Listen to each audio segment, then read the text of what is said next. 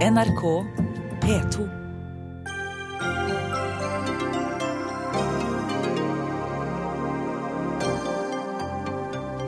Den skeive festivalen Oslo Pride har aldri vært viktigere, sier lederen for organisasjonen FRI etter massakren i Orlando i helgen.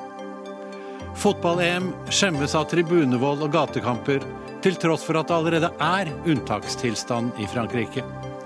Miljøpartiene SV og Venstre er vanligvis enige om miljøsaker, men helt uenige om grønne sertifikater, i praksis å subsidiere vindkraft, om det er bra for miljøet eller ikke. Nav bruker sosiale medier til å avsløre trygdesvindel. Minner om sladderpressens metoder, mener jusorganisasjonen. Og NRKs journalister er for ensidige. Det blir det dårligere journalistikk av, sier et medlem av Kringkastingsrådet.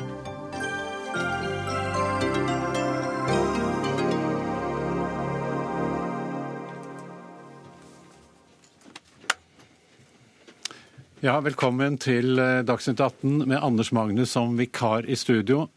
Vi skal til Orlando i Florida, der 50 mennesker ble skutt og drept på en nattklubb for homofile i går. I Norge preger angrepet forberedelsene til Oslo Pride-festivalen, der lesbiske, homofile, bifile, transpersoner og intersex feirer seg selv førstkommende fredag. Jeg vet ikke om vi har med oss Gro Holm, som er USA-korrespondent for NRK i Orlando nå? Jeg er med Hallo, her. Gro. Du er med oss, ja. Ja. Kan du fortelle hva den siste utviklingen i denne saken eh, er? Ja, Det siste er vel eh, forskjellige uttalelser som har kommet både fra president Obama og fra statsadvokaten her i Florida og fra politiet. Eh, Obama sier i dag at eh, dette trolig dreier seg om hjemmeavlet terrorisme. De andre to har vært inne på at han neppe har vært støttet av folk utenfra, selv om han altså har sverget at han er lojal mot IS. Og IS også har for så vidt gått ut og sagt at han er en av våre soldater, men at dette skal ikke ha vært, noen, det skal ikke ha vært styrt utenfra, eh, selve denne aksjonen. Eh, Politiet sier også at de etterforsker flere personer, men altså da ikke for å ha deltatt i selve ugjerningen i selve terrorhandlingen. Eh, og De sier at de har funnet Det er til sammen tre våpen de har funnet. Det siste i bilen. og De sier at det som avgjorde gjorde at de tok beslutning om å storme, endelig det var at Matin skal ha sagt at han har eksplosiver, enten et belte på seg eller at han har eksplosiver som han skal ha truet med å detonere inne på et eh, toalett sammen med fire av gislene. Men det gikk jo veldig lang tid før politiet grep inn og mange folk ble drept. Har det blitt reist kritikk eh, mot politiet for at de grep inn eh, for seint? Det er mange som stiller spørsmål, men ikke direkte kritikk. Det er så tidlig i etterforskning, og man vet egentlig lite om, eh, om hva som var grunnlaget for akkurat den beslutningen. Eh, Det har vært referert til tidligere saker hvor politiet har blitt kritisert for å storme for fort. Og, liksom, og spørsmål om man kan nå ha ventet for lenge, tatt for langt eh, i den retningen. Men, men ingen direkte kritikk så langt.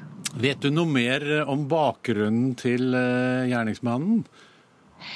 Ja, det har kommet ut litt bl.a. fra de som gikk på skolen sammen med ham eh, 11.9.2001 i terrorangrepene på USA da. Han, han skal ha hoppet opp og ned og gledet seg og sagt at det er det Amerika fortjener. Eh, Men han, har vært, han blir jo skildret også samtidig som en ganske stille person. Han var voldelig mot sin tidligere kone, ifølge henne. men i offentlige sammenhenger var han ganske stille, og ingen av de som han gikk i moské sammen med, eh, hadde noen mistanke om at han hadde eh, radikale islamistiske sympatier. Eh, så er det noe merkelig med faren hans. altså dette er jo en, De er jo av afghansk opprinnelse. Faren la ut en video på YouTube eh, i går etter terroraksjonen, eh, hvor han nærmest eh, fremstiller seg selv som en leder for Afghanistan og ber om at flere sentrale skikkelser, bl.a. tidligere president Karzai, blir arrestert. Og Det er jo merkelig av en far hvis sønn nettopp har begått en slik handling. Faren har jo også sagt tidligere at eh, sønnen først og fremst reagerer på, eller mot homofile. Eh, Men også mange politikere, f.eks. I, eh, i staten Florida, Marco Rubio, har jo vært veldig kritisk mot homofile også. Det er vel Dette her er vel en ganske vanskelig situasjon for en del politikere som har kommet med krasse uttalelser tidligere? Ja, nå tror jeg ikke det er mange som vil ta Marco Rubios eh, kritiske holdning til homofile til inntekt for eh, eller på å si, si at han er medskyldig i det eh, Omar Matin eh, har begått. Eh, men det er klart at her, det, her, virker det som det er et sammensurium av Eller kan være ulike motiver. Det er ikke sikkert at det er bare ett klart motiv.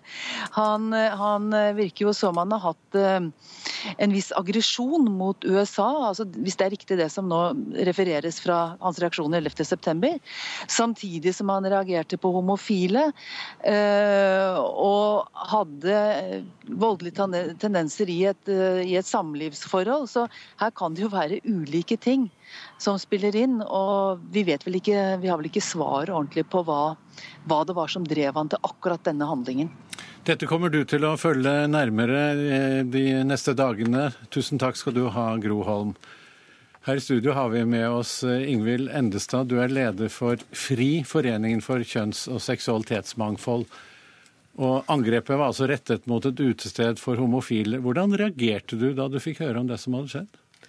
Nei, Vi hadde jo akkurat gått i, i en storslått parade eh, i Bergen med ordføreren i front og, og masse tusenvis eh, av folk både i paraden og rundt. Som var en, en veldig positiv opplevelse og veldig godt og trygt. Og så våkner vi opp til denne nyheten i Bergen dagen etterpå. Det er klart, kontrastene ble veldig store. Um, og i dag har det begynt å, å, synke inn. Det er mange som kjenner på det å være målskive for hat. Mange søker til hverandre, uh, og mange er redd. Ja, Kommer dere til å markere på noen måte, eller samle dere på noen måte i forbindelse med med denne masseskytingen? Ja. Eh, det som jo er litt spesielt med lesbiske, homofile, bifile og transpersoner, er at vi er en minoritet, men vi er også en minoritet i, i våre egne familier. Eh, som betyr at vi søker til hverandre også. Det å være sammen på et sånn eh, type sted som Pols eller eller andre som vi har her, er, er viktig og nært. Så det vi kommer til å gjøre i dag, er å, å møtes i en solidaritetsmarkering utafor den amerikanske ambassaden nå klokka sju. Der vi kommer til å si noen minneord og, og tenne lys og legge ned blomster. Og så kommer vi til å gå i samla flokk til en av våre trygge havner, sånn som Pøls også brukte å være. Ja, Du sier trygge havner. Føler dere at det er trygge havner nå? Ja, jeg tror vi i Norge gjør det. Det er veldig mange som har kommet innom kontorene våre i dag og som har lyst til å være sammen. Og så er det en del av Eh, de litt eldre i vår bevegelse som kjenner mye på et gufs fra fortida, eh, og som kjenner at den frykten kommer tilbake. Men det å være sammen oppleves trygt.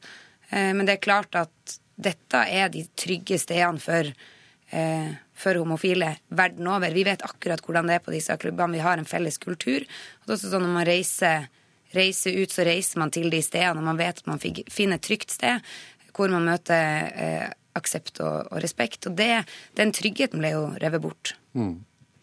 Din forening skal jo organisere Oslo Pride nå på fredag. Hvordan påvirker dette angrepet forberedelsene til denne paraden? Forberedelsene går jo egentlig som normalt, men det er klart vi snakker om hvordan vi skal bære dette med oss. Og det kommer jo til å prege de samtalene vi har, de møtene vi har, eh, og hvem vi har med oss i, i hjertene når vi går i paraden. Det er jo en solidaritetsmarkering, veldig mye av pride. Det er alltid både fest og feiring av de rettighetene vi har fått, og det mangfoldet vi har. Men det er også alltid alvorstunga og en, en markering av de kampene som vi har igjen. Det er jo fortsatt kriminelt i 75 land i verden å være homofil. Eh, det er mye hatvold. Eh, det gikk en parade i går i Kiev hvor det var lova blodbad dersom den ble gjennomført fra nynazister. Så det er klart at det å være LHBT-person i verden kan oppleves ganske utrygt, og nå oppleves det kanskje særlig utrygt. Eh, men vi skal gjennomføre som vanlig. Vi er i kontakt med politiet. Ja, Dere er i kontakt med politiet. Hva, ja. hva ber dere politiet om? Vi ber ikke politiet om, om noen ting. Eh, har, vi har alltid hatt tett dialog med de, og vi har høy sikkerhet på våre arrangementer. Eh, vi bare gir dem nødvendig informasjon, og så gjør de sikkerhetsvurderingen. Og dersom de ber oss gjøre noe annet, så kommer vi til å gjøre det. Ja, Vi har med oss politiet her. Eh, Jon Fytje Hoffmann, velkommen. Du er fagdirektør i Politiets eh, sikkerhetstjeneste, PST. Eh, har dere vært i kontakt med arrangørene av den paraden nå? Nei, dette her er jo som som forrige, forrige taler sa, en, en, en, sak som Oslo politidistrikt tar hånd om når det gjelder sikkerheten. De gjør de vurderingene og iverksetter de tiltakene som de mener er riktige. Dette angrepet i Orlando ble utført av én person. Eh, og Foreløpig så vet vi ikke om han eh, har hatt noe støtte eh, fra andre eller eventuelt fra utlandet. Men hvordan kan et samfunn beskytte seg mot folk som opptrer helt på egen hånd, ensomme ulver? Nei, det, det er veldig vanskelig. Uh, altså, hvis vi skal uh, få en, få en, mistanke eller få en, et grunnlag for å undersøke om det er en, en, mistanke, så er jo vi avhengige av en eller annen form for informasjon, en eller annen lead-in.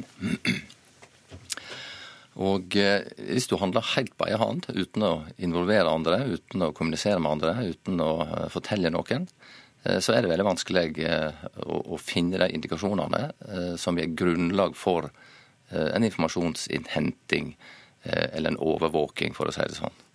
Eh, da er vi avhengig av at eh, sånne personer gjør en eller annen feil. Ofte så gjør de det. Det er veldig mange enkeltstående terroraksjonister som, som, har blitt tatt. Så, så, helt håpløst er det ikke. Men det er veldig vanskelig, og det er ofte kommunikasjon mellom flere vi baserer vår informasjonsinnhenting på. Så dette er den type terrorister som dere frykter aller mest? Ja, altså, du kan si, er det, er, det, er det, mange eh, terrorister, så kan ofte utfallet eller omfanget bli enda større. Men eh, en har også sett, både med Breivik og med dette tilfellet her, at også enkeltstående personer kan, eh, kan utføre enorm skade. Nå kan man jo kanskje si at hvis en organisasjon som IS f.eks., eller andre typer terrororganisasjoner skulle ønske å bedrive terror, så kunne de utplassere en person som opptrer som om vedkommende var helt alene og ikke kommuniserer med omverdenen. Har dere noe uh, kjennskap til at det kan være en taktikk? Eh, nei, altså Det vil jo allerede i utgangspunktet bryte litt av forutsetningene eh, hvis en var sendt. Eh, hvis det var man kan opptre som om man ikke er det likevel? Ja da, det kan en alltids tenke seg. Og, og, og, en eller annen plass kommer jo inspirasjonen og motivasjonen ifra. Så, så de enkeltstående terroristene lever jo ikke helt i et, i et vakuum heller. Og der kan det være indikasjoner, eller der kan det være en, en ledetråd. Mm. Men det er klart, klarer du å, å, å planlegge og forberede deg og, og, gjennomføre helt alene, så er det veldig vanskelig å, å finne indikasjoner. Ser dere noe spesielt trusselbilde mot uh, homofile, lesbiske i Norge? Eh, vi har ikke noe grunnlag for å, å mene at det er noe spesielt at det er spesielt utsatt. Nå er det heller ikke det ei, gruppe som vi primært ser på eller, eller undersøker. Eh, og det er en litt, eh, litt vanskelig distinksjon mellom hva som er terror og hva som er hatkriminalitet. Eh, og ofte så vil dette her være i større grad en, en, en ordinær politisak. Men her er grensene uklare. Men denne hendelsen her, denne masseskytingen, gjør det at dere endrer på noen ting? Endrer syns, syn på dette? Eh, så langt så er det ingenting som eh, indikerer at dette her har noen konsekvenser for, eh, for det overordnede trusselbildet i Norge. Så langt så har vi heller ikke sett noen grunn til å, til å gjøre noen endringer. Mm. Det har jo kommet fram at den gjerningsmannen var faktisk under etterforskning av FBI, det føderale politiet i USA, for mulig terrortilknytning. Hvordan kan det da være mulig at vedkommende får fortsette planlegging, så å si? Ja, altså det, eh, det, er veldig mange som, eh, som opptrer eh, på en sånn måte at, at de kan kaste en mistanke mot seg sjøl, enten gjennom handlinger eller gjennom ytringer. Det er veldig mange som blir gjenstand for enten samtale eller etterforsking eller informasjonsinnhenting, og sånn sett er registrert hos politiet eller sikkerhetstjenestene.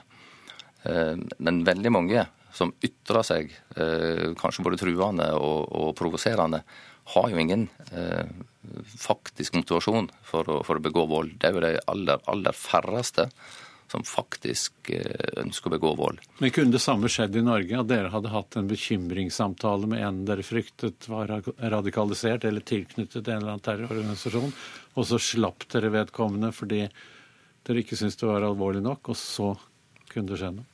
Altså, Skal en innhente informasjon, og et, et synonym for det, det er jo overvåking. Det er jo informasjonsinnhenting vi snakker om. Skal vi bruke ressurser, skal vi bruke metoder og kapasitet på det, så må vi ha et, et klart mistankegrunnlag, eller en grunn til å undersøke. Det kan være veldig mange som det er grunn til å undersøke. Og ofte så viser det seg jo da, i ettertid etter en terroraksjon, at vedkommende som var innblanda, hadde vært eh, registrert på et eller annet tidspunkt. Men mistankegrunnlaget hadde ikke vært sterkt nok til at han eh, hadde f.eks. blitt, eh, blitt fengsla eller på andre måter eh, stoppa. Dette høres vanskelig ut. Ja, det, det, er ganske vanskelig. Det er ganske vanskelig. Det er det. Det har vært mye snakk om uh, homofili og islam i uh, samband med dette, dette, denne masseskytingen, denne massakren i Orlando. Uh, Osman Rana, du har skrevet boken 'Norsk islam hvordan elske Norge og Koranen samtidig'. Og Her går du bl.a. inn på spørsmål om homofili og islam. Hva sier islam etter din mening om homofili? Aller først vil jeg si at det er veldig viktig at muslimer eh, verden over og har allerede sett det, at de, at de står solidarisk med det homofile miljøet. Eh, dette er to minoriteter i Vesten eh, som, som ikke må settes opp mot hverandre. Når det gjelder hva, hva islam sier, så, så, er det veldig tydelig at, at, homofobi, eller hat mot homofile, trakassering av homofile, er, er forbudt. Og det er ikke riktig å Eh, utøve vold eller mobbe eller utestenge homofile, om, om de er muslimer eller, eller eh, ikke-muslimer. Eh, så det er det som er det sentrale punktet. Så foregår det jo diskusjoner om dette, dette med straff for homofili, akkurat som det er bibelske tekster som er langt mer eksplisitte hva gjelder fordømmelse av homofili og straff for det. Så er det noen passasjer innenfor islam som også brukes til å rettferdiggjøre det. Ja, For Men, så har jo eh, flere medier nå skrevet om predikanten Farouk eh, Sekaleshfar, som, som, var i Orlando og holdt eh, forelesning hvor han tok til orde for dødsstraff eh, for homofil praksis. Så det må jo være noen innenfor islam som fortsatt mener at det er rett, slik det også både var og er kristne som mener det. Absolutt. Eh, og vi har også sett at eh, dette har vært eh, tatt opp blant kristne i USA. Og det er også en diskusjon som har pågått blant muslimer. Eh, samtidig må vi huske på at eh, dette er en eh, diskusjon om, om juss og om straff. Jeg mener at man ikke skal støtte slike synspunkter, også når det gjelder straff eller juss. Samtidig må man også huske på at det er ingen under noen som helst omstendigheter som, som kan ta loven eller jussen i sine egne hender og gå løs på vilkårlige, uskyldige mennesker. Men, så, men bare for å ta det i seg selv hva mener du om homofil praksis, eller f.eks. giftermål mellom uh, homofile? Er det etter din, ditt syn tillatt i islam? Når det gjelder uh, normativ islam, så, så, så, er det tydelig at uh, i likhet med jødommen og kristendommen så, så ser man på uh, utenomekteskapelig sex, uh, inklusive homofil sex, som, som syndig. Men det betyr ikke at uh, homofile skal uh, straffes eller eh, skal drepes eller skal diskrimineres. Jeg syns at homofile skal møtes med samme respekt som alle andre møtes med. Og at de ikke skal utestenges fra moskeer eller, eller andre trossamfunn. Så Det er kjernen i mitt budskap, og, og, som jeg også ser komme fra veldig mange islamske lærde i dag, særlig fra Nord-Amerika, som understreker dette at de står solidarisk med det homofile miljøet, og at eh, slike mm, forhold og slike handlinger er, er eh, i strid eh, med islam. Vi har også med oss Dag Øystein Ensjø. Du er professor i religionsvitenskap ved Universitetet i Bergen, i ferd med å flytte til Oslo. Du skrev en kronikk i NRK Ytring at islam er ikke mot homofili. Og heller kanskje ikke alltid har vært imot homofil praksis? Altså, Hovedpoenget her er jo at uh, homoseksualitet sånn som den er nå, er en moderne konstruksjon. Altså, så, sånn, Hvis man leser Koranen, så er det da forbud mot analsex men det er mellom menn, og det er uklart hva de mener om kvinner. Og Dette er det generelle blant uh, religionene, er at det er ikke de samme definisjonene Sånn som I Bibelen eh, så er det da et forbud mot eh, analsex mellom menn i den jødiske bibelen, i Gamle testamentet, og ingen, ikke noe forbud i det hele tatt mot sex mellom kvinner. Det er faktisk helt greit i forhold til jødisk tradisjon. Ehm, så, så her er det det at man er på mange forskjellige plan. Selvfølgelig så er det jo viktig også å være klar over at det er jo selvfølgelig mye fordømmelse av homoseksualitet, ikke minst voldelige, eh, også innad i islam. Og dette blir jo da gjerne knyttet da til her med eh, Omar Martin.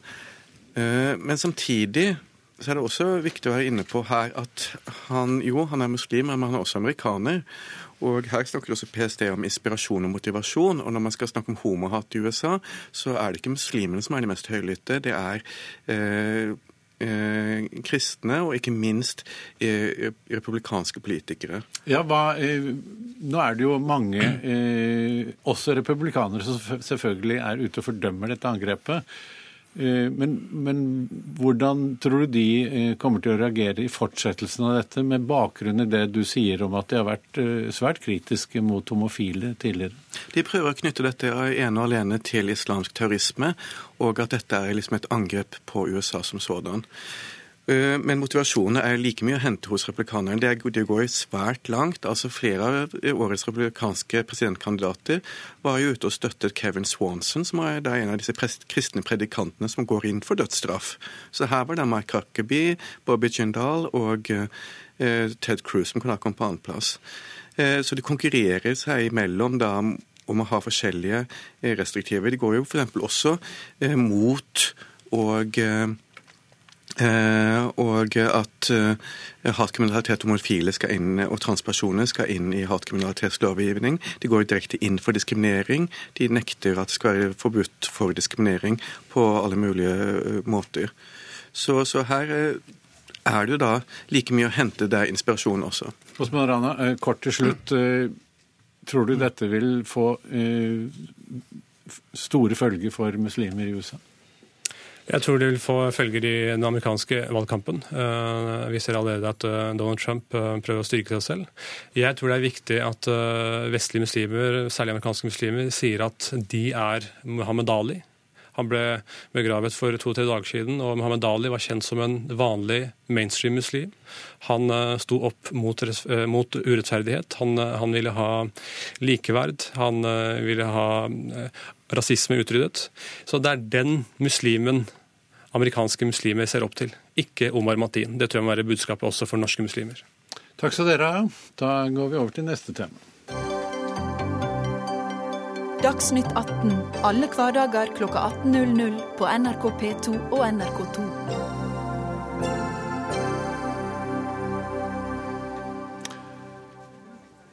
Donald Trump eh, tar til orde for Obamas avgang etter angrepet i Orlando, og Hillary Clinton ber om strengere våpenkontroll. Det politiske spillet rundt denne massakren er allerede i gang. Og Tor Steinhovden, du er rådgiver i tankesmien Agenda og USA-kjenner. Hvordan brukes dette angrepet nå av de ulike sidene i amerikansk politikk? Tidligere har vi sett at det går en viss periode der politikerne eh, ser an situasjonen litt før de går til partipolitiske angrep. Donald Trump satte vel en ny rekord i hvor kort tid han brukte før han, han begynte å tvitre om det her. Og han gikk eh, spesielt hardt eh, ut mot Obama i, i den måten presidenten valgte å definere situasjonen på. da. Eh, mens eh, demokratene òg tok en relativt forutsigbar eh, språkbruk i sine pressemeldinger. Hillary Clinton nevnte at man trenger å fjerne våpen som hører hjemme i krig fra amerikanske gater. Mens, da, mens, Obama snakket om at det å ikke ta handling, det er også en handling. Så det er relativt forutsigbare fronter som danner seg her. Donald Trump har et, og republikanerne har et ønske om å male Obama som en president som ikke er god nok på, på nasjonal sikkerhet. Og nå har jo faktisk USA opplevd det verste terrorangrepet eller verste masseskytingen, alt etter hvordan man definerer det, siden, siden 11.9. Lisa Cooper, du er leder for Democrats Abroad i Norge. Eh, og Vi har eh, dessverre ikke med republikansk side her, men eh, hvordan tror du dette som nå har skjedd, vil påvirke valgkampen? Hva ser du hjemmefra? Jeg tror dette kommer til å ha en utrolig stor påvirkning. Um, for det første så så vi den ridiculous tweet fra, fra Donald Trump hvor han viste ingen medfølelser, uh, ingen forståelse, ingen uh, beklagelse, ingen, ingen, sympati overfor familien. Bare rett på sak. Se, nå har jeg rett. Dette kommer uh, Hillary definitivt til til å bruke, men jeg, men jeg, tror også vi kommer nok tilbake til våpenkontroll i USA. Men nå har jo det Hillary Clinton nettopp sagt dette med våpenkontroll. men Tror du ikke argumentet også være, vil være at hadde det vært væpnede vakter hadde gjestene vært bevæpnet, så kunne de jo eh, avverget dette angrepet. Jeg tror Det er flere sider av saken. En ting er våpenkontroll. Man må kunne gå på en nattklubb uten å forvente at uh, du skal ha bevæpnet vokter, nummer én. Um, også nummer to Eh, når, det gjelder, eh, når, det gjelder, våpenkontroll, så, så, føler jeg at eh, de kommer nok til å bruke det veldig politisk. Beklager, jeg mistet min poeng der, men det kommer, det kommer, nok tilbake. Og ja, Det var det som jeg føler er veldig viktig. Når det gjelder gjerningsmannen han var bipolar. Han hadde utrolig store sykehusproblemer. Så det var den kombinasjonen av våpenkontroll og folk som har ellers utfordringer. Og Det er der hvor vi må komme mye sterkere inn med lovgivning. Steinhovden, hvem av kandidatene tror du vil tjene på dette angrepet? Det er vanskelig å si så tidlig. Akkurat nå er det er ganske uklart bilde. Men eh, de fleste eh, vil nok se på det her som en, en seierssak for Donald Trump, med det første iallfall. Eh, de fleste er vel rundt 12% av velgere som har mer tiltro til at en republikansk president gjør mer for å stoppe terror hjemme. Eh, og Hvis det viser seg at f.eks. FBI har, har, gjort en glipp her med at, i og med at de har etterforska eh, vedkommende to ganger og eh, sluppet han, så vil det nok stille Obama i et svakere lys. Det er tross alt han som har ansvaret til syvende og sist. Eh, viser det seg òg at den vedkommende har hatt kontakt med IS og faktisk kommunisert med de, som jo er litt tvilsomt på det tidspunktet her, så stiller det nok han enda svakere. For da har du faktisk IS som eh, opererer innad i USA. Eh, så jeg tror nok per dags dato er det her en vinnersak først og fremst for republikanerne, med det unntak av måten Donald Trump reagerer på, som kanskje kan få en del republikanske velgere til å tenke at det der var ikke særlig eh, presidential, som de kanskje ville sagt der borte. Da. Det, å... det har vel ikke hindret oppslutning om ham tidligere? Nei, det er jo sant. Snak... Men jeg tror at også man må tenke hvem som egentlig skal kjenne på dette. Egentlig forhåpentligvis forhåpentlig, forhåpentligvis ingen. Men jeg, men jeg, tror også det homofile miljøet bør også tjene for, for, å få litt bedre forståelser. At vi i USA kan begynne og, og også har en, en, en, god dialog overfor uh, folk som har andre religion nå, og andre tro og andre seksuelle. og, Absolutt, og, respekt. Og, og respekten, ja. Men tror du ikke det er frykten først og fremst som kommer frem nå? at uh, Tror du ikke Trump har rett i det at uh, amerikanere har grunn til å frykte islamister? Nei, absolutt, absolutt, ikke. Og hvordan har han fått uh, akkurat den frykten? Han har fått gjennom den frykten for å, for å, for å forhåpentligvis uh, i hans øyne å vinne flere stemmer. Men det er også litt sånn medies rollen. Mediet elsker enhver dumme uttalelse han har, og så plutselig én uttalelse, så er det overalt. ja? Jo, hvis, du, hvis du går inn på, går inn på den frykten som folk nå kanskje kjenner, tror du uh, velgeren vil synes at uh, det er uh, republikaneren Trump eller demokraten Clinton som kan ivareta sikkerheten best? Oh, jeg, jeg, vet ikke. Jeg tror forhåpentligvis så vil de se at dette er så mye retorikk fra Donald Trump. Og når det gjelder Hillary Clinton, så føler jeg at hun i hvert fall har både den erfaring og og fremmer i hvert fall en våpenkontroll og en våpenforslag som, som makes sense for landet. Og det kan ikke Donald Trump. Han kan nesten ja, Jeg tror ikke han har hatt uh, noen uttalelser i forbindelse med våpenkontroll utover at det er uh, en av hans sikkert største kommende støttespillere. Videre? Jeg tror, jeg tror, ikke det her vil føre til så mye når det gjelder våpenkontroll. Hvis man så på Virginia Tech i 2007 og Sandy Hook, som jo var en grusom episode i 2012 der mange barn døde, så førte ikke det til noe endring. Det er et valgkampår, og Kongressen kommer til å konsentrere seg om én ting framover, og det er valgkampen. Ehm, så jeg tror nok først og fremst den som tjener på det her, er den som sprer frykt, og den som tilbyr et alternativ til de som har ansvaret nå.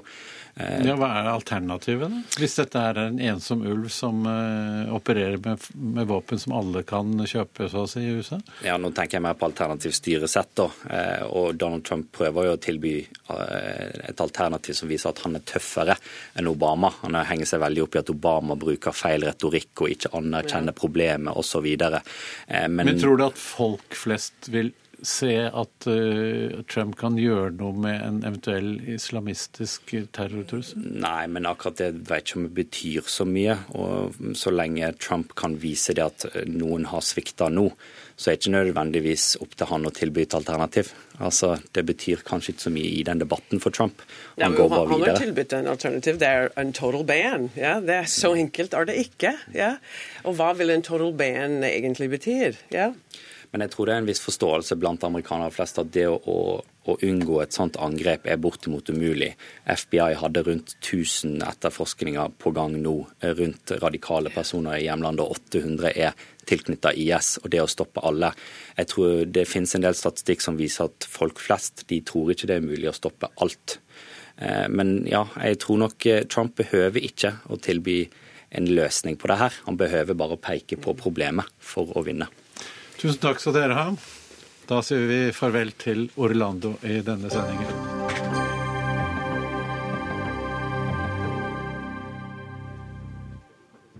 Nå skal vi til en korrupt sport med svært eh, aggressive tilhengere, som akkurat nå feirer seg selv med voldelige opptøyer i Frankrike.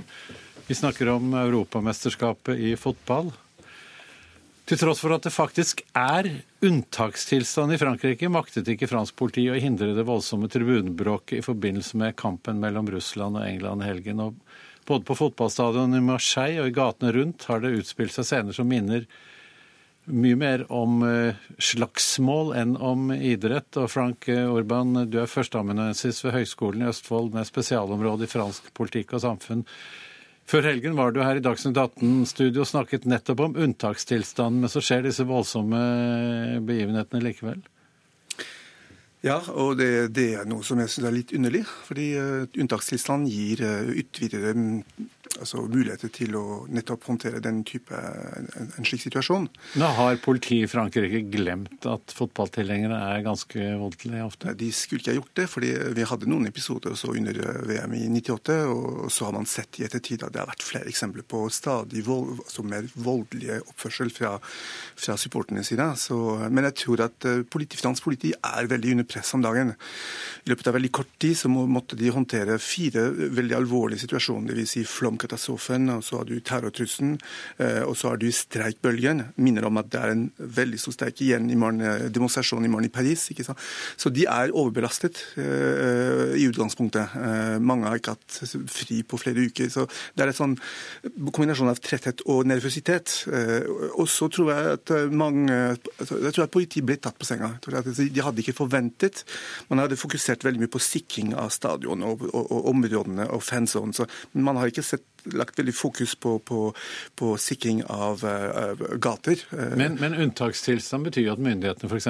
kan eh, trekke inn militære tropper hvis de mener at sikkerheten i landet ikke er god nok? I ytterste tilfelle kan jo det, men du kan jo ha også mulighet til, å, til tettere grensekontroll. Du har mulighet til å bruke husarrest. Du har mulighet til fortere gang i, uh, altså i domstoler. I, I, dag så ble ti stykker dømt, og to fikk fengselsstraff.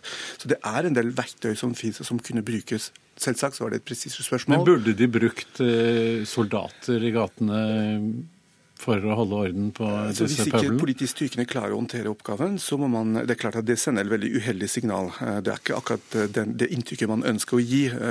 Men, men, men Unntakstilstanden ble jo utvidet i utgangspunktet fra april til å gjelde frem til slutten av Tour de France. Og en av uh, forklaringene for det var nettopp at dette skulle kunne brukes i forbindelse med EM i fotball og i forbindelse med hooliganproblemet. Ja, og de skal jo være helt til uh til Tour de France er ferdig også. Så, så, det er to store sportsarrangement. Eh, Andreas Seljås, du er sportsblogger og tidligere utenriksforsker, og på din blogg har du listet opp sju grunner til at det gikk galt i Marseille. Kan du oppsummere det for oss her og nå? For det første så er det jo det jeg kaller Uefas feighet. Eh, de russerne som eh, lagde bråk i Marseille nå, de burde ikke vært, vært der. I 2012 så var det bråk i fotball-EM i Ukraina og Polen. Eh, det var så voldsomt utenfor og inne på stadion at Uefa egentlig nei, eh, trakk seks poeng i kvalifiseringen til dette EM-et her. Eh, og det ville i realiteten bety at Russland ikke ville vært der. I tillegg så var det veldig eh, voldelige russere. Ja, de, de, de, gjorde det, men Nei, og så ble det protester fra det russiske fotballforbundet eh, som gjorde at Uefa trakk seg, og at de fikk spille som normalt. De fikk en bot, riktignok. Men det betyr jo at Russland er her, og at de heller ikke har gjort noe med de supporterne som lagde bråk i 2012. Mange av dem eh, var enten Mange i Marseille var i, i, i bråk i 2012 eller har vært sterkt inspirert av dem. Det andre er eh, Uefas begrensninger. Eh, når de ser på det som skjer av vold og andre hendelser, så vurderer de bare det som foregår inne på stadion, og ikke det som er utenfor. Så det er litt paradoksalt nå at når vi har sett bråk av engelskmenn utenfor stadionene, så, så ser de bare på det russerne gjorde inne på stadion. Hadde de hatt et helhetsbilde, et samfunnsperspektiv på dette, så burde de kanskje ha vurdert hva som foregikk eh, lenger utenfor stadion også. Eh, det tredje som Frank eh, var inne på, er jo dårlig grensekontroll. Det er veldig mange som drar dit uten billett. Eh, og jeg tror at den kontrollen som har vært her, har vært litt lemfeldig. Samtidig så er det en del eh, profesjonelle hooligans som veit hvordan de skal unngå eh, å bli tatt eller stoppa og sånne ting, så, så, det kan ha skjedd. Det tredje, nei det fjerde, det er jo det jeg kaller egenrådige franskmenn. Jeg tror fransk, Frankrike og franskmenn, eller fransk politi og sikkerhetsmyndighet har, har ville gjøre veldig mye selv uten å og holdt på å si bry andre sikkerhetstjenester. Jeg tror på terrorområdet så har de samarbeida ganske tett. Og så har de kanskje glemt å samarbeide på sikkerhet når det gjelder hooligans og politisamarbeid. Det leder opp til det femte poenget, som er dårlig politiarbeid. De er veldig konfronterende. Du kan si at de som slåss, har skyld for slåssinga sjøl. Men eh, det er mange studier som viser at eh, oppførselen til politiet eh, har noe å si for hva som skjer. Fotball-EM i Belgia og Nederland i 2000 er et veldig godt eksempel. Da var det ikke noe bråk i Nederland, veldig mye bråk i Belgia, og veldig mye skyldes at belgisk politi var mye mer konfronterende enn det nederlandske. Så er det jo da elendig stadionsikkerhet. At de ikke greier å skille eh, russere og engelskmenn fra hverandre. Ikke med eh, franske gjerder, som man kaller det, paradoksalt. Eh, eller med eh, masse sikkerhetsvakter imellom. Det er helt uforståelig. Eh, dette er da en kamp som det har vært varsla om i seks måneder. og og at de ikke greier å sette opp ordentlige barrierer mellom de supporterne, er helt eh, både dumt og forkastelig. Det siste er tid og sted. De velger Marseille som er en delt by. Politiet har jo ikke kontroll i store, eller en del av byen. Mange av disse som har angrepet engelskmennene, kommer jo fra disse områdene, har tatt med seg russere. Det kommer folk fra Paris bare for å slåss med, med, med engelskmenn. Og så er det tidspunktet klokka ni på kvelden. Hvis du veit at engelskmenn eller russere eller andre drikker mye, så bør du ha kampen eh, ganske tidlig på morgenen før de greier å bli ordentlig fulle og har lyst til å slåss. Uefa eh, var de to første punktene. De er feige, og de eh, klarer ikke samarbeide med eh, Og de, de, holder ikke de straffene de egentlig har eh, utpekt. Mener du at både eh, Russland og England bør eh, ut av mesterskapet nå? Altså, eh, Det veit jeg ikke. Egentlig så syns jeg ikke det. Eh, nå Men Hvorfor ikke det? Det er vel egentlig det du sier? At hvis det er Uefas feighet? Ja, hvis du kaster ut Russland og England nå, så tror jeg de slåsskjempene føler at de i hvert fall ikke har noe å tape på å slåss mer. Så det kan jo godt hende at det skal Da Kan du jo sende dem ut av landet? ja, hvis du vil ha 75 000 engelskmenn ut med en gang, så tror jeg du får ganske trøbbel, for å si det sånn. Så jeg tror ikke det løser noe problem. Jeg tror heller det må skape en debatt for hva som skal skje seinere. At Uefa, når de faktisk straffer noen, så må de holde seg til de straffene og skjønne alvoret i det som skjer. Ja, hva syns du er rett straff nå, da? Nei, altså Nå må man jo se hvem som har skyld i dette. her. Jeg tror, uh, Uten at jeg skal forsvare engelskmennene, så tror jeg engelskmennene har fått uh, uh, altså disproporsjonal kritikk. da. Altså, Det er mange russere, det er franskmenn som har vært og egla opp og sånne ting. Så først må man finne ut hva som har skjedd. Og så er det selvfølgelig all den herpinga og alt det der greiene der. Men du klarer vel ikke å finne ut det sånn eksakt? Altså, det er, Dette her er jo ikke noe politiet har noe oversikt over? Jeg tror nok at en del rapporter og etterforskning i etterkant kan finne ut hvem, hvem som starter dette her, og om det er noen som har vært verre enn de andre. Det tror jeg. Men tror, det... tror du Orban, at eh, fransk politi er så gode her nå, når de har hatt så dårlig kontroll, at de klarer å, å, å lage en rettferdig rapport om uh, hvem som har sjela?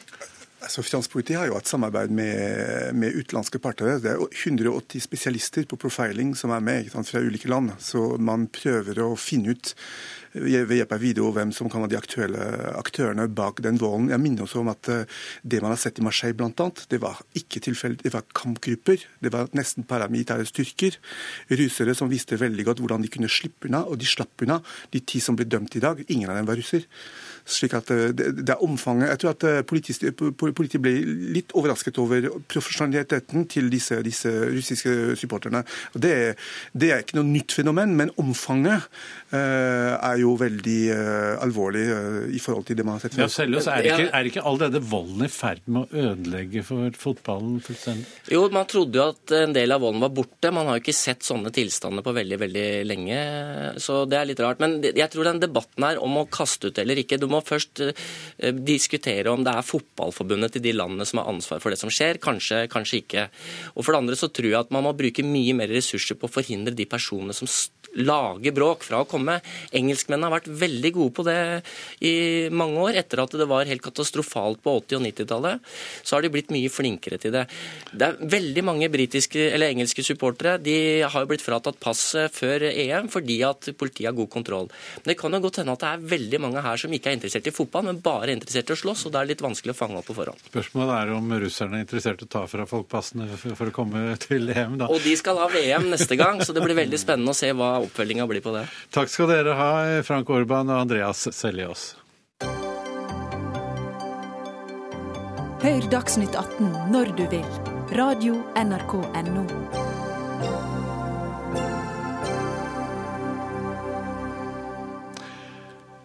Nav følger brukerne på sosiale medier for å avsløre trygde, trygdesvindel. Det er en betenkelig praksis, mener en jussorganisasjon. I fjor anmeldte Nav trygdesvindel for over 302 millioner kroner. Og en av metodene Nav eh, angivelig bruker for å avdekke juks, er å sjekke folks Facebook-oppdateringer. Dette er du kritisk til, eh, Alexander Nyheim Jensen. Du er leder av Rettspolitisk utvalg i Jusformidlingen, som er en organisasjon som tilbyr gratis eh, rettshjelp. Og du er med oss fra studio i Bergen. Hva slags eksempler har du på dette? Ehm, vi har sett enkeltsaker eh, hvor det har blitt henvist til en lang rekke bilder eh, fra Facebook og Twitter-meldinger som isolert sett kunne ha gitt eh, inntrykk av at man da kanskje ikke har bodd alene, selv om man har hevdet dette. Og at man da på en måte har lagt dette ukritisk til grunn, uten å gi stønadsmottakere en mulighet til å faktisk forklare hva som ligger bak disse bildene. Ehm, så det er der vi ser problemet er, er det at eh, informasjon legges for ukritisk til grunn. Og når man da forsøker å komme med forklaringer som, eh, for å forklare hvorfor eh, disse bildene kan gi et slikt inntrykk, så føler vi ofte at dette ikke blir hørt, nettopp fordi at Nav har dannet seg allerede et inntrykk på forhånd. Ja, du, Da snakker du om klienter som kommer til dere for å få hjelp mot Nav? Ja. Men er det, eh, har, du konkret, har, du mange konkrete eksempler på eh, folk som er misfornøyd med at Nav følger med på Facebook-kontoen deres? Eh, vi har hatt flere saker på jusformidlingen som dreier seg om dette. og Dette er ikke bare Nav, men dette er også UDI. Hvis man også tar et raskt søk på Trygderettens kjennelser, så kan man også se at Nav i en lang rekke saker har da benyttet seg av sosiale medier som bevis i, i deres, i deres klage. Men har Trygderetten godtatt dette? Trygderetten har i enkelte tilfeller godtatt dette, men det vi ser er at i de tilfellene hvor Trygderetten har lagt slik informasjon eh, til grunn, eller da tillagt dette vekt, har vært noe det åpenbart er tilfellet at stønadsmottakeren da har løyet. Dette kan f.eks. være at man har sagt at man er enslig forsørger, men legger ut et bilde av at man nå har forlovet seg. Da er vi også helt enig i at slik informasjon kan tillegges vekt. Det vi derimot ser, er at Nav bruker denne formen for informasjon i langt større grad enn det det er belegg for. Når man da tillegger enkeltstående bilder, eh, av bl.a. at man da har lagt ut et bilde av barnefar sammen med barna, og man da tillegger dette eh, i den retningen av at man da har eh, at man da bor sammen med barnefar på, den, på det ene grunnlaget av at man da eh, har lagt ut et slikt bilde. Du skriver i et debattinnlegg i Aftenposten i dag at dette minner om sladderpressens metoder. Hvordan kan du si det? Det eh, vi refererer til der, er vel at man mener at man kanskje må være litt mer kritisk. Eh, og det er jo en kjent sak at Jo, men sladderpressens metoder, det er jo å henge ut folk eh, for ganske grove ting ofte. da. Er det, er det det du mener Nav gjør? Eh, I den konteksten som, som, det ble skrevet i, så refererer det seg til bevisbruken og hvordan man da trekker slutninger fra enkeltstående bilder uten at det nødvendigvis er belegg for det. Ja, men øh, hvis en som mottar uføretrygd f.eks. viser seg i full aktivitet øh, i arbeid på sosiale medier, er det grunn til å se på saken da, syns du? Det vi mener er at det bildet, når det ble tatt, øh, og når denne handlingen, hvis da vedkommende er i aktivitet, refererer seg til, det har jo ikke Nav noen holdepunkter for å si noen ting om. At det selvfølgelig kan brukes i en større uh, bevisvurdering, det er vi helt innforstått med, og det mener vi også er greit. Men problemet er det at den informasjonen brukes for ukritisk og for mye. Vi har med oss eh, Magne Fladby, seksjonssjef i Nav her i studio. Bruker dere sladderpressemetoder for å presse penger av folk, så å si? Facebook er jo en viktig kilde for Nav for å få inn de opplysningene vi trenger for å avgjøre en sak. Det kan være mm, indikasjon på at noe ikke stemmer med de opplysningene vi har. Og Da er det også sånn at vi innhenter tilleggsinformasjon. Og mm, Vi kjenner oss ikke igjen i at dette brukes ukritisk av Nav, og at det brukes som en ensidig dokumentasjon i disse sakene. For oss er det et sett av dokumentasjon og vi innhenter jo dokumentasjon fra skatteetaten, folkeregister og andre steder hvor vi er hjemler til å hente pålitelig informasjon, for vi er veldig klar over det som Nyheim Jensen sier her, i forhold til at disse er upålitelige. Det er ikke, er ikke sikkert tidsriktig, og det kan også være eh, fiktive profiler. Ja, hvordan, hvordan eh, går dere fram for å kontrollere det, da? Nei, som sagt så bruker vi da disse opplysningene som en tilleggsinformasjon eller en indikasjon på at noe kan eh, være galt. Men vi bruker jo ikke dette aktivt, det er jo hvis vi har mistanke om noe. Men det er jo heller slik at det er eh, tipsere, arbeidsgivere og andre som sender skjermdump til oss fra Facebook-sider og sier at det kan være noe galt i en sak som de har kjennskap til. Og Da bruker vi jo den informasjonen for å nøste litt videre i den saken. Jeg bruker dere det som bevis f.eks. overfor Trygderetten? Vi bruker det ikke som eh, bevis alene. Men, eh, for det er jo annen informasjon og pålitelig informasjon som vi bruker for å dokumentere vår vurdering, og som ligger grunnlaget for vår vurdering. Eh, så kan det sikkert være tilfeller hvor det også henvises til den informasjonen som en tilleggsinformasjon. Nyheim Jensen, høres ikke det betryggende ut hvis de bare bruker dette som et utgangspunkt for å gå nærmere inn i en sak? Jo, eh, og at det bare blir benyttet som tilleggsinformasjon er vel egentlig ikke helt korrekt. Eh, hvis man ser på en lang rekke avgjørelser fra Trygderetten, og også erfaringer som vi har hatt, så vises det i veldig stor grad i enkelttilfeller til denne form for informasjon. Og Hvis dette bare blir benyttet som tilleggsinformasjon og ikke reelt sett har noen vekt, så stiller vi spørsmål om hvorfor man da velger å fokusere så mye på dette i de vedtakene vi har sett. Så... Kjenner du deg igjen i dette, Fladby? Jeg har ikke sett disse vedtakene som det refereres til her.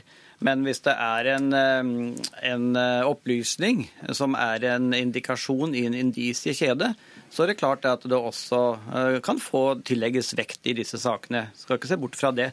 Men det er i så fall ett element, og vi er veldig klar over den usikkerheten. Og det er også slik at vi innkaller eh, brukerne til samtaler og det blir jo konfrontert med disse opplysningene før vi treffer vedtak.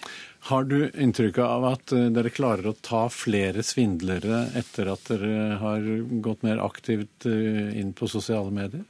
Eh, sosiale medier er ingen viktig kilde for oss. Det er andre verktøy og virkemidler som er mye mer effektive og mye mer målrettet for å ta svindlere. Facebook er et hjelpemiddel i de tilfeller hvor det er mistanke om noe. Eller vi da får en indikasjon på noe, så bruker vi åpne kilder for å, for å se om det kan være noe i det. Er det ikke Nyheim Jensen, viktig å forhindre at folk svindler velferdsordninger som Nav? Det er vi i jusformidlingen helt enig i. Og vi mener at Nav gjør en god jobb på veldig mange punkter, og selvfølgelig så skal man avsløre trygdesvindel. Problemet er at man vi stiller spørsmål ved litt de interne saksbehandlingsrutinene på Nav når det kommer til anvendelsen av denne form for bevis. Den bevisstgjøringen som her blir sagt at man har på at dette ikke nødvendigvis tillegges så mye vekt, det ser vi verken kommunisert i vedtakene som fattes, og vi ser heller ikke at det også kommuniseres overfor stønadsmottakeren at denne informasjonen er usikker, og denne informasjonen tillegges egentlig ikke mye vekt. Det vi ser er det stikk motsatte, og det skapes et inntrykk av at man da tillegger dette mer vekt enn hvert fall det jeg får inntrykk av at som blir sagt nå. Ja, det har du allerede svart på, Fladby. Men eh, har du, er dere trygge på at uh, brukernes rettssikkerhet er ivaretatt? Vi er opptatt av brukernes rettssikkerhet, vi er også opptatt av personvernet.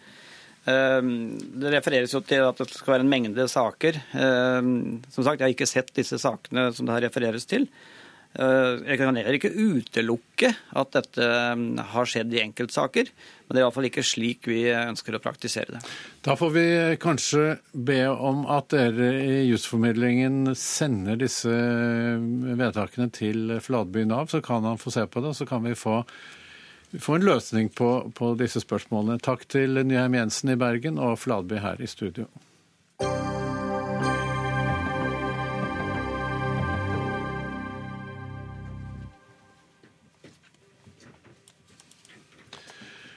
Ja, nå skal vi snakke om oss selv her i NRK. Det kommer en NRK-sjef eh, inn i studio, eh, men først og fremst eh, Elin Ørjasæter. Du har sagt i et møte i Kringkastingsrådet at NRK bør rekruttere aktivt folk fra høyresiden. Og du, sier, du mener at pressen er venstreorientert. Verst i klassen er eh, NRK. Og du sier at det er merkelig at lederne selv ikke ser dette som et eh, problem. Hvorfor det? Ja, Da må jeg få eh, forklare bakgrunnen for tallene litt. Hvert eneste år så legges det fram på Nordiske mediedager i Bergen eh, tall for hvor pressefolk står politisk i forhold til folk flest. Og hvor de står, vet vi jo gjennom stortingsvalgene. De tallene er oppsiktsvekkende år etter år etter år. Eh, venstresiden og partiet Venstre kan vi også legge til, er veldig populære blant eh, norske journalister. Og f.eks. har Rødt tolv mandater hvis journalistene valgte Stortinget vårt, mens de i dag har null. Og, eh, Hvor mange har Fremskrittspartiet? Null. Og null mandater både blant journalistene og blant redaktørene i pressen. Og Høyre? Ja, Høyre har 23 blant journalistene. De har 48 på Stortinget. Og når min, min, påstand da er at det er enda verre stilt i NRK, for jeg ønsker jo en journaliststand som i større grad har et større grad av politisk mangfold istedenfor dette enfoldet. Når jeg tror NRK er blant verstingene her, så er det to grunner til det. Det ene er at valgforskning generelt viser at folk i offentlig finansierte jobber stemmer lengre til venstre enn folk i privatfinansierte jobber. Men dette er bare antagelser? Jo, men dette stemmer jo. Valgforskningen sier jo dette entydig når det gjelder næringer. Privatansatte folk stemmer lenger til høyre. Det andre det er jo at medieforskere har kommentert disse tallene ved å si at de få høyrefolka vi har i pressen, det er nok de som jobber i næringslivsredaksjoner. Type Dagens Næringsliv, Finansavisen. Og NRK har jo ikke noen sånne økonomi-næringslivsredaksjoner. Men du, Så... Eh, du er jo Jobben din, eh, Du er medlem av Kringkastingsrådet, men jobben din er jo som førstelektor på Markedshøgskolen i Oslo, mm. der du bl.a. underviser personalledelse. Mm. Det er jo ikke lov å spørre folk om uh, deres politiske holdning når man skal ansette. Nei, og det eh, var jo det sjefen i NRK svarte på dette møtet i Kringkastingsrådet. Ja, vi kan jo ikke spørre folk hva de stemmer. Det har jeg aldri ment at man skal. Ja, hva skal man, man gjøre da? Jo, men dette er jo så enkelt. Når du, anst, eller, når du Gaard, ansetter en journalist, så ser du jo på vedkommende CV. Denne institusjonen har rekruttert mange flinke folk fra Klassekampen og fra mindre tydelige redaksjoner på venstresiden. Hvor vil du at de skal rekruttere de høyreorienterte fra? Finansavisen har noen av de mest glitrende gravejournalister, bl.a. på innvandring. Altså de beste tallknuserne vi har, som gruser eh, eh, Statistisk sentralbyrå i hadde nær sagt egne tall. De har ikke fått noe tilbud om ansettelse fra NRK. De ville antagelig havne nederst i bunken hvis de søkte. Jeg vet ikke hvordan det er i redaksjonen til Nils August Andresen, om de i Minerva Du er redaktør i Minerva, Nils August Andresen. Syns du at uh, din redaksjon uh, sine medlemmer burde få uh, tilbud om jobb i større grad fra Stein Bjørntegård? Ja, Graden i dag er vel null, så litt større, litt større grad hadde vært helt OK. Men, men altså, jeg tror det er litt skummelt å begynne med Jeg, jeg, først sier, jeg er enig med Elin Øresæter i at det er et en utfordring for pressen at det er skjevt. Det betyr ikke at den er lett å løse. Altså jeg tror ikke Man kan ikke uten videre på en måte skylde på pressen for at det er sånn. Det har å gjøre med hvem som søker på journaliststudier, øh, hvilke fagfelt som er populære i ulike miljøer og den type ting. Og, og bare, bare, for å gripe litt inn, Vi må bare presisere at Minerva er altså en uh, litt høyreorientert tenketank. Vi er en høyreved ja. tenketank, men det, eller tidsskrift er vi. Men det, men det, jeg er litt bekymret for med måten Elin Ørasæter tar opp denne problemstillingen på, er at hun er ikke bare ved underviser i ledelse, men hun er også da i Kringkastingsrådet. Og Kringkastingsrådet har nå flere ganger de siste årene på en måte tatt opp det de mener er mangler hos NRK, og det er stort sett knyttet til innvandringsfeltet, hvor man mener å se at det, liksom, at det er godhetshegemoni som, eh, som eh, råder grunnen. Og Problemet litt er at dette er jo da oppnevnt med mange representanter som regjeringen oppnevner. En Frp-Høyre-regjering oppnevner representanter, og så kritiserer de Statskanalen for journalistikk som de ikke liker, og som Frp ikke liker. Og Det er litt, det er litt umusikalsk, men det er også litt sånn uprofesjonelt i den forstand at det er ikke noen sånn grundig prosess hvor man ser på helheten i alle reportasjer, men det er sånne ting, småting man ikke liker. Forrige gang vi diskuterte denne type saker, var da eh, man kritiserte et humorinnslag i Salongen som gjorde narr av Asle Toje. Det var et dårlig innslag, men det var liksom da sånn all humor i NRK er venstrevridd. Eh, og min egen vurdering på høyresida er at hvis man ser på hele perioden hvor Harald Eia og Bård Tufte Johansen dominerte på NRK, så var humoren egentlig ganske høyrevidd. Det var sosialdemokrati. Vi kan ikke ta, ta humoren om igjen denne gangen. Jeg tror vi det er ikke en full analyse. Og det er et problem. til Stein Bjøntegård.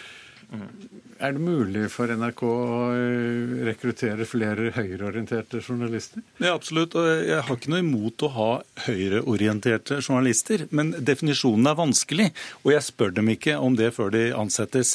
Når det gjelder næringslivsjournalister, ja, vi skulle gjerne hatt flere gode næringslivsjournalister. Vi har da ganske mange gode. Vi har noen gode. Vi skulle gjerne hatt flere. og Det skyldes jo også at vi konkurrerer ikke på lønn med næringslivsavisene, dessverre. Men sånn er det faktisk i NRK. Er det, er det et lønn lønnsproblem at det er så for høyreorienterte? Det også. Nei, men når det gjelder næringslivsjournalistikk fordi at hun, hun drar opp Altså, jeg søker en definisjon. Hva er uh, høyreorientert? Er det folk som stemmer Frp eller Høyre? Det er klart det er mange i vår redaksjon som stemmer Høyre, men jeg vet ikke hvem. Jeg har ikke spurt dem. Da vet du jo ikke om det er mange. Jeg har lyst til å svare på noen av de tingene som har kommet her. Først eh, Nils August Andresen, som jo nevner dette med innvandringsfeltet. At det er noe Kringkastingsrådet stadig kommer tilbake til. Det stemmer. Men det stemmer jo også veldig godt med mine tall her, da. Fordi Venstre, hvis du legger til Venstre som et utpreget innvandringsliberalt parti, så har vi altså 100 på Hvis journalistene valgte storting, og nå snakker vi om pressen generelt, 138 mandater fra innvandringsvennlige partier. Mot, med. Ja, det gjør jeg. Mot, og det er diskutabelt. Mot 72 i det virkelige jo, men kan, Stortinget. Men kan du ha en en helt jevn fordeling. Nei, selvfølgelig ikke. Altså, Stortinget mitt, forandrer seg jo hele tiden. Poenget mitt er at dette er en undersøkelse Vi er jo ansatt over flere år enn fire. Men Anders, Magnus, kan jeg få svare på det? Det er veldig flåste kommentar, Bjørntegård. Og du er nettopp en representant for de likegyldige sjefene som ikke er opptatt av mangfold, og som fleiper dette bort. Dette er en undersøkelse som har blitt gjentatt år etter år etter år. NRK er faktisk opptatt av mangfold på et helt annet område. Og det er når det gjelder minoritetsbakgrunn. Nå er debatten slutt, for vi har ikke mer tid, dessverre. Hør flere podkaster på nrk.no podkast.